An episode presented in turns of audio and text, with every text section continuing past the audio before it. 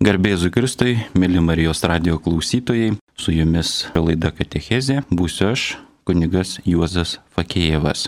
Tema - Kristaus žemiškoji genealogija arba kilmė. Iš karto perspėju tokią pastabėlę.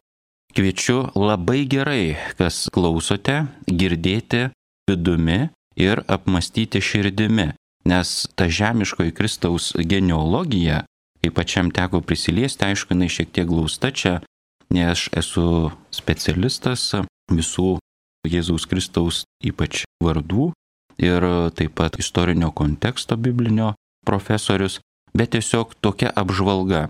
Jis skambė šiek tiek drastiškai, nes vis tiek kiekvienas iš mūsų turime irgi asmeninę genealogiją, mūsų giminiai yra visko galbūt buvę, skaudžių dalykų, žmonių netinkamo elgesio. Tiesiog žvelgime iš vadinamos išganytojo ir taip pat kaip Kristus nusileidžia į tą mūsų žemiškąją būti žmonių gyvenimą, iš tiesų kaip šviesa ir kaip viltis. Todėl kviečiu labai atsargiai klausyti, kai kas skambės labai tikrai keistai, netgi galbūt nepriimtinai, arba kai sakytume, katechezijai apie palaiminimus labai piktinančiai, bet dėja tokia buvo Kristaus giminės žemiškoji kilmė. Taigi žvelgime nuo Evangelijų, ką sako evangelistai keli. Evangelistas Jonas savo pasakojimą apie Jėzų pradeda, sakytume, nuo paties kosmoso. Tai yra gerąją prasme nuo tokios dieviškos tvarkos, iš kur atėjo Kristus kaip žodis graikiškai logos, kurį ištaria Dievas tėvas. Taigi Jono Evangelijos pradžioje skaitome. Pradžioje buvo žodis ir žodis buvo pas Dievą. Kitas evangelistas Lukas žiūri šiek tiek siauriau į šį klausimą ir paprasčiau, tačiau vis tiek globalioje perspektyvoje. Tai yra jis pradeda nuo apriškimo Dievo motinai Marijai, vėliau apie surašymą tą garsųjį, kai vyksta ir ten gimsta Jėzus ir toliau jau viskas vyksta, kaip žinome, pas Luką iki Jėzus 12 mečio ir jo saugusio amžiaus atsiradimo. Jokios genealogijos Lukas nepateikia. Morkus iš vis irgi pradeda nuo Jėzaus veiklos, nuo mokinių, nuo kanos vestuvių visiškai nėra genealogijos. Vienintelis matas nusileidžia iš dangaus į žemę ir įveda Jėzaus šeimą į tuometinį Izraelio laikmečio kontekstą.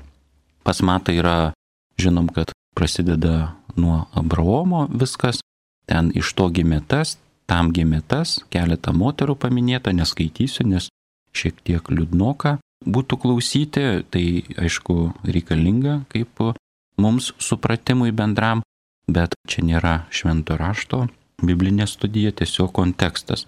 Vėliau pristatysiu tuos vardus ir tą istorinį kontekstą, iš kur kilo pagal evangelistą Matą jo genealogija nuo pirmojo skyriaus. Ir vienas iš mato tikslų parodyti, kad Jėzus buvo iš tikro įtrauktas į graudaus žmogiško gyvenimo realijas, nešvarius lytinius intimius santykius ir netgi politiką ta prasme kalbant apie jo giminę. Mato ištraukos struktūra pakankamai paprasta ir paremta kaip ir didžioji dalis jo Evangelijos, skaičiumi septyni.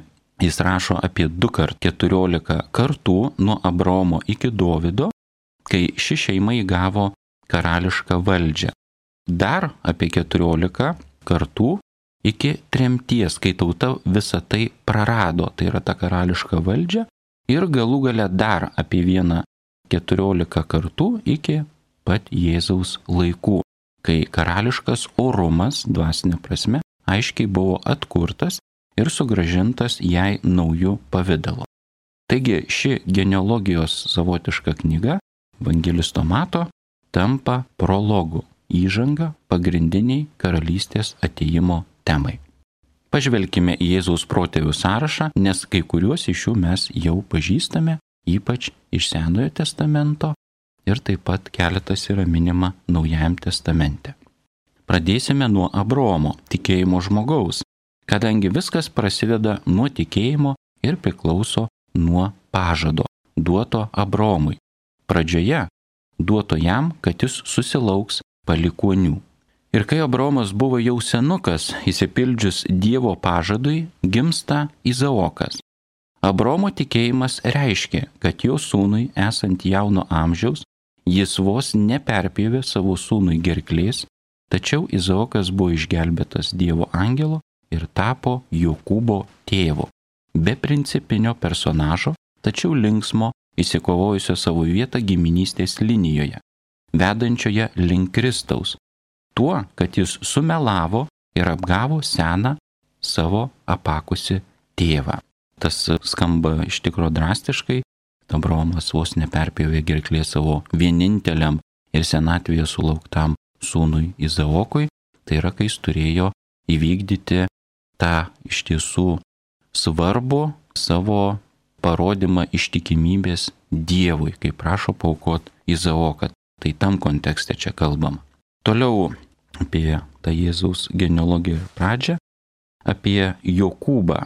Tiesa, pati Jokūbą taip pat apgavo. Per klaidą jis permėgojo nesu ta moterimi ir tapo Judo tėvu. O Judas irgi per klaidą permėgojo su savo marčia Tamara. Ji apgavo savo uošvį, persirengusi prostitute. Šventasis raštas dar vadina ir stipriau yra išversta kiekše. Tamara buvo našlė, kadangi jos paskutinį vyrą ištiko viešpats už tai, kad praktikavo lytinės suėties nutraukimą. Bendrai, kai Judas sužinojo, kad jo marti padarė tokią sunkę nuodėmę ir tapo nešia, liepė sudeginti ją gyvą. Jam sužinojus buvo labai sunku, kad Tamaros klientu buvo jis pats ir kad vaikas vardu Faresas buvo nuo jo. Taigi matom iš tiesų labai žiauri Jėzaus genealogija ir dar kartą, kartuosiu dar šioj katechizės laidoj ne kartą, klausykime ne tik tą biologinę žemišką prasme, bet truputį su tikėjimo žvilgsniu, širdies žvilgsniu. Bet be žemiškos matom genealogijos ir tos pačios biologijos Kristus nebūtų atėjęs į žemę. Toliau tęsime apžvalgą, kaip iš tiesų Kristaus kilmė buvo žemiškoje realybėje. Visą šią istoriją Matas perdoda keliais žodžiais. Abromui gimė Izaokas, Izaokui gimė Jokūbas, Jokūbui gimė Judas ir jo broliai, Judui gimė Faresas ir Zara iš Tamaros. Taigi tokia buvo tikrovė. Toliau Mato Evangelijoje Jėzaus genealogijos kilmės knygoje, sakytume, vardėjami žmonės, apie kuriuos mes nieko nežinome. Šie vardai yra paimti iš kronikų knygos. Tai Esromas, Aramas, Aminadabas, Nasonas, Salmonas. O toliau mes sutinkame Boazą, su kuriuo pažįstami iš Rotos knygos Senojo testamento. Negalima sakyti, kad Boazas su Ruta permėgojo per klaidą, nes naktį jis su nuostaba užtiko ją miegančią prie jo kojų. Nors neįprastas moters elgesys Boazą kažin ar galėjo nustebinti, mat pagal matą Rutos motina buvo Rahaba ir švento rašto aiškintojai panašu padarė išvadą, kad turima omenyje istoriškai nekas kita kaip kekšė Rahaba iš Jericho, aptarnavusi ir paslėpusi Jėzaus Siracho žvalgus ir išdavusi savo miestą bei tautą mirčiai. Taigi matome, toliau einant pagal liniją iš Rutos knygos ir apie pačią heroję, kad vėl yra tokia įdomi, žiauri, netgi tokia gašli Jėzaus genealogijos aplinka ir pradžia. Pasakojimas apie Rutą siejasi su vaisingumo simbolika. Renkant miežių derlių, nes Ruta buvo našlė, negalėjo be vyro, kas ją užtarti, pasirūpinti. Ir Betlėjaus pavadinimu išvertus duonos namai tai viena iš mielų Senojo testamento istorijų, nors skaityti ją šiek tiek sudėtinga dėl visokių juridinių plonybių apie paveldimumo įstatymą, turime omenyje Rutos knygą, tačiau joje įsiskiria štai kas. Atrodo, per svetimtautę, pagonę Rutą juda, kaip ir kažkada per Tamarą, keista aistra pratesti giminę vos ne bet kokią kainą. Ir būtent šios giminės linija atveda iki paties karaliaus Dovido, o nuo jo iki Kristaus. Nes Rutos sunus Jobedas tapo Jesės tėvo, o šis Dovido tėvu. Svarbu žinoma pasakyti, kad Dievo sumanimas įsikūnijo negarbingose žmonėse, turinčiuose religinę patirtį, bet širkščioje, aistringoje kalbama apie gašlumą publikoje ir atrodanti labai prastos moralinės ir dvasinės reputacijos. Taigi, pirmojoje genealogijos dalyje buvo įvelti nešvarūs intimus lytiniai santykiai. Nuo Dovido ir toliau kalba eina jau apie smurtą ir net žudines. Ir toje pirmoje dalyje, priejus iki Dovido atšakos ir karališkos Kristaus kilmės, matome irgi prasideda ir prasidės, matysime tas toks Senojo testamento istorinis kontekstas. Ir pabrėžiu, kad iš tiesų, jeigu mes žiūrėtume ir šventojo rašto istoriniam kontekste, tai yra bendram žmonijos pasaulio kontekste, kokia buvo tuo metu santvarka, dėl ko kilo karai, neištikimybės, taip pat melas, suktybės, apgavystės, tiesiog mes matome iš dabartinės mūsų žmogiškos ir kartu tikėjimo perspektyvos. Todėl reikia atsargiai nesmerkiant, bet ramiai priimant. Ir žiūrėti, žvelgiant į bendrą tą rytų kultūrą, istorinį kontekstą ir tuometinę hebrajų tautą, kuri dar formavosi, vėliau iš tikrųjų nuo Dovido jau pradedama formuoti kaip tauta, žydų arba hebrajų tauta. Taigi žvelgime toliau. Žinome garsią istoriją, kaip Dovydas įsimylėjo moterį vardu Beršėba, kurią vieną vakarą netyčia pamatė apsinuoginuose maudimusi metu. Ir jis sutvarkė taip, kad jos vyrą vardu Ūrija nužudė pastatydamas į pirmasias gretas, su ją permėgojo ir tapo Saliamono tėvu, dar vienu Kristaus protėviu. Visa Davido istorija negailestingo ir labai sėkmingo moralinio ir dvasinio šiek tiek nusikaltelio, kuris šventosios dvasios gale tapo visų hebrajų genčių sąjungos valdytoju. Žinoma, pilna intrigų ir žmogžudyšių. Tarp kitko, sėkmingų intrigų ir žmogžudyšių, jeigu žiūrėtume tą istorinę, žmogišką prasme. Toliau Saliamono sūnus Roboamas dėl savo despotizmo ir gudumo praktiškai viską, kas buvo surinkta Davido, paleido vėjais. Tai yra savo senelio, savo protėvio, tai kas buvo sujungta, tai kas buvo taip pat paženklinta ir krauju, taip pat Davido kančia, pasiaukojimu, nuodėmėm, atgaila, kilimu iš moralinio dvasinio skurdo kalbant apie Dovydą, vėliau ir patį Saliamoną Dovydo sūnų, matom, Saliamono sūnus paleido viską vėjais. Žemės lopinėlė, kuris jam liko, tai yra Saliamono sūnui Roboamui, tai yra judėja, valdė labai prastai. Prie viso to, pagal Bibliją, jis plėtė dar pagoniškus kultus ir vyrų šventąją prostituciją. Matom, kas darosi genealogijoje po Dovido, ypač Seliamono, to vadinamo dieviškojo hebrajų tautos, išrinktosios tautos aukso amžiaus yra didžiulis moralinis ir dvasinis nuosmukis. Abijas, dar vienas e, Saliamono sunus, buvo niekiek negeresnis.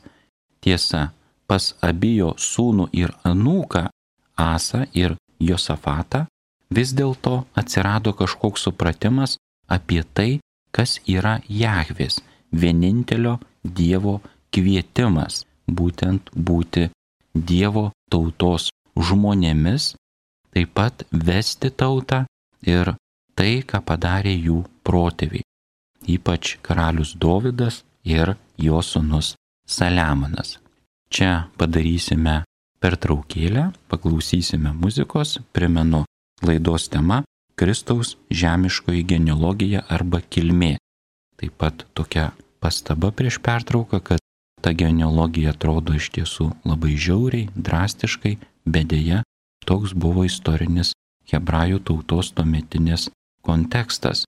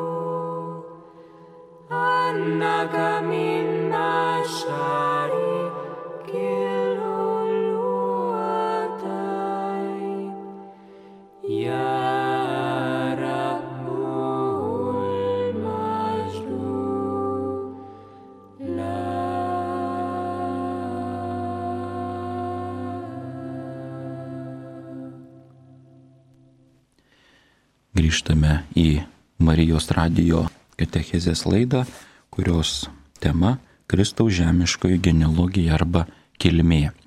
Su jumis kunigas Juozas Vakėjevas priejome iki Saliamono sūnų, kurie iš tikrųjų padarė didžiulį moralinį ir politinį nuosmukį. Esame Senajame testamente, karalių knyga čia sutelkė beveik visą savo dėmesį į kaimininę valstybę, kaip minėjau, po Saliamono mirties sūnus suskaldė Izraelio suvienytą tautą į dvi dalis.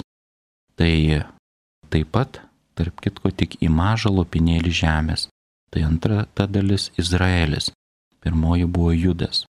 Taigi Izraelį, kur linksminosi, nekreipdami dėmesio į pranašus Elyją, Ahazą ir kitus.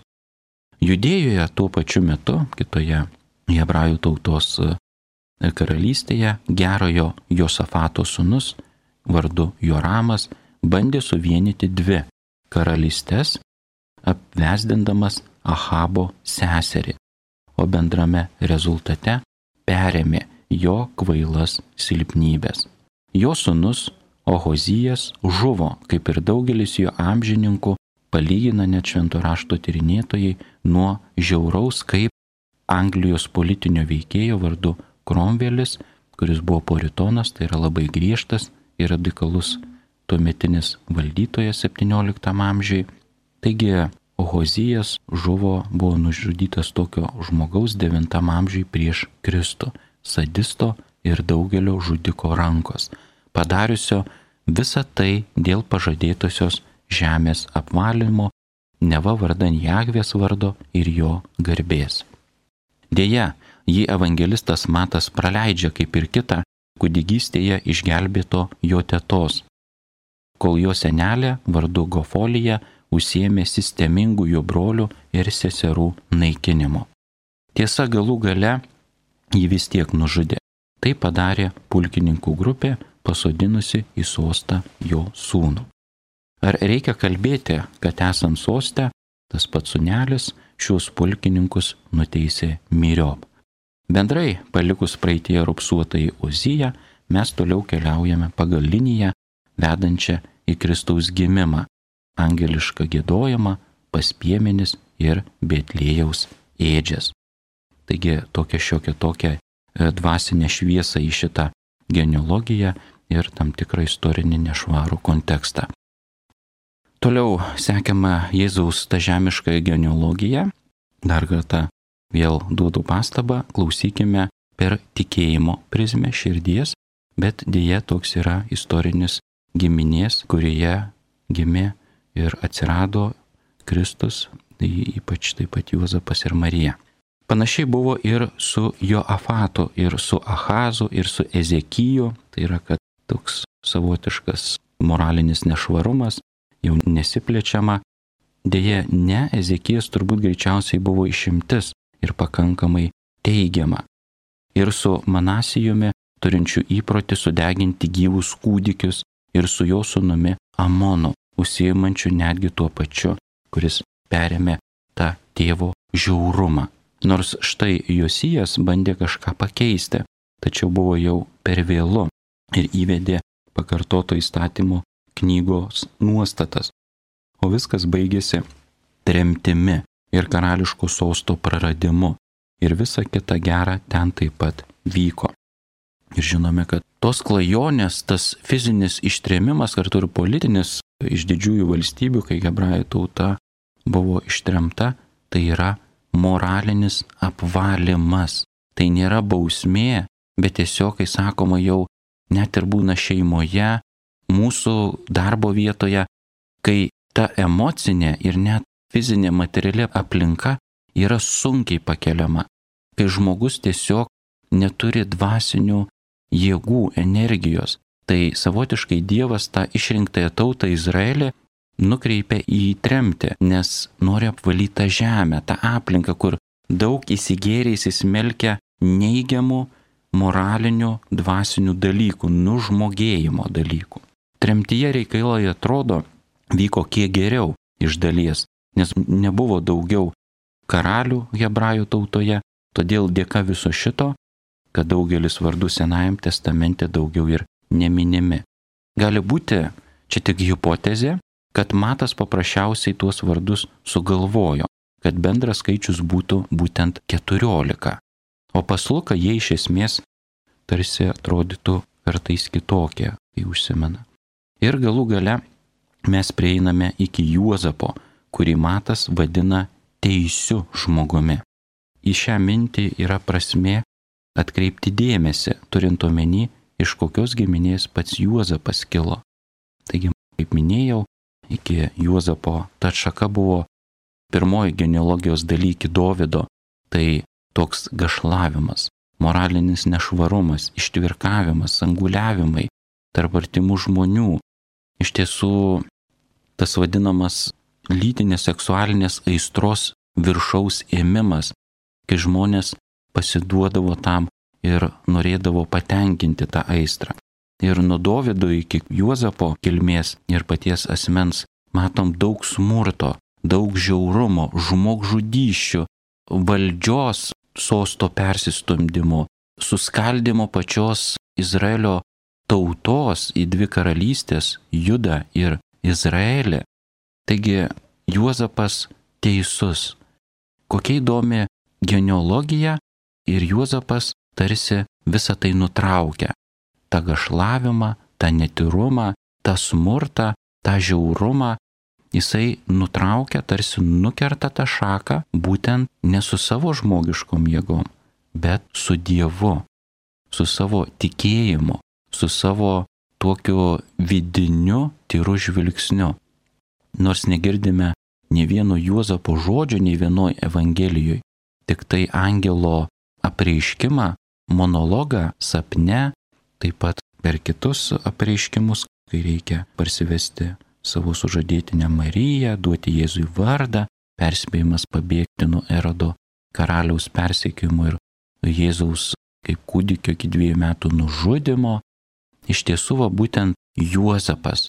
Juozapas nutraukia tą žemiškos Kristaus genealogijos, tos biologinės žmonių kilmės tokį netvarkingumą moralinį. Ir jisai tarsi apvalo per jo asmenį, per jo tą vidinį tikrą širdies, sielos, minčių tyrumą yra apvaloma Jėzaus žmogiškoji giminė, ta visa genealogija. Ir būtent reikėjo, vėl galime daryti tokią sąsają, kad Kristus iš tiesų būtų pradėtas ne iš žmogaus vyro norų, kai rašo Naujasis testamentas, bet pradėtas iš Dievo tėvo atsiunčiant šventąją dvasę per Dievo motiną Mariją. Tik tai norima parodyti irgi primenama bažnyčios teologijoje ir Kristaus kilmėje, genealogijoje, kad Kristus yra karališkos kilmės. Tai yra Dovydas, pirmasis karalius pagal Dievo širdį yra karalius. O Jozapo šeimai priklausė, kaip žinom, ir pats Jėzus. Tai žemiškai biologiniai šeimai. Žinoma, kaip pats Matas mums ir pasako, fiziškai Juozapas nebuvo Jėzaus tėvo. Tačiau hebrajai neužsiciklindavo, tai yra neužsidarydavo ant genetikos. Giminystės ryšiai jų tautoje buvo nustatomi ne tik pagal biologiją, nes, pavyzdžiui, Jėzaus broliais vadinami jo pusbroliai. Apaštalai Jokūbas, dar kiti, taip pat mokiniai įvardyjami.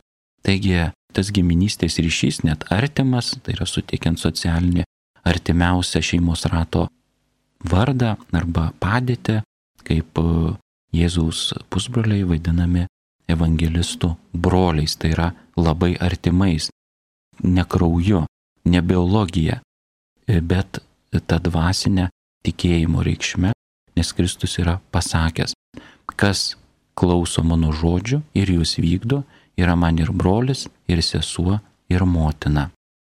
Štai tokia Jėzaus Kristaus ta genealogija, biologinė kilmė. Čia moralas ir išvada paprasta. Jėzus priklausė tikrai nemielai, skaičiai realybei, neteisingam, išmintingam ir atviram pasauliui, jis gimė žmogžudžių, sukčių, bailių, savimilų ir melagių giminėje. Jis buvo vienas iš mūsų ir atėjo padėti mums. Taip, kad nenuostabu, jog jis jau pasirinko negeriausią aplinką. Jis suteikė mums viltį. Iš dangaus atnešė dieviškąją šviesą, tikrą tiesą. Tiesa ne tokia, kokią mes norime girdėti žmogiškom akim, bet tokią, kokią atneša mums Dievas - tyra, švarę, sažiningą apie kiekvieną mus asmeniškai. Iš tiesų, ir ta teisinga mintis, ir bažnyčia, ir šventas raštas link to veda, Kristus ir gimė, kad apvalytų ne tik savo kilmę, ne tik savo genealogiją nuo Abraomo, bet kiekvieną mūsų giminę, kiekvieną šeimą, kiekvieną tautą, kiekvieną žmogų, kuris yra sukurtas, norėtas ir palaimintas paleidžiant į šį pasaulį. Štai dėl ko Kristus gimė, atrodo tikrai istoriškai žmogiškai nedėkingoje giminėje ir mums parodo, kad reikia tuo pasitikėti. Ačiū, mėly Marijos radio klausytojai, kad girdėjote, klausėte, kad esate su mumis. Su jumis Katechezės laidoje tema Kristaus žemiškoji genealogija arba kilmė buvo kunigas Juozas Fakėjevas. Taigi, žvelgime į Kristų, patikėkime į savo ranką save pačius, šeimą, savo giminę, kad viešpats mus išgydytų, sustiprintų, nušviestų. Sudė.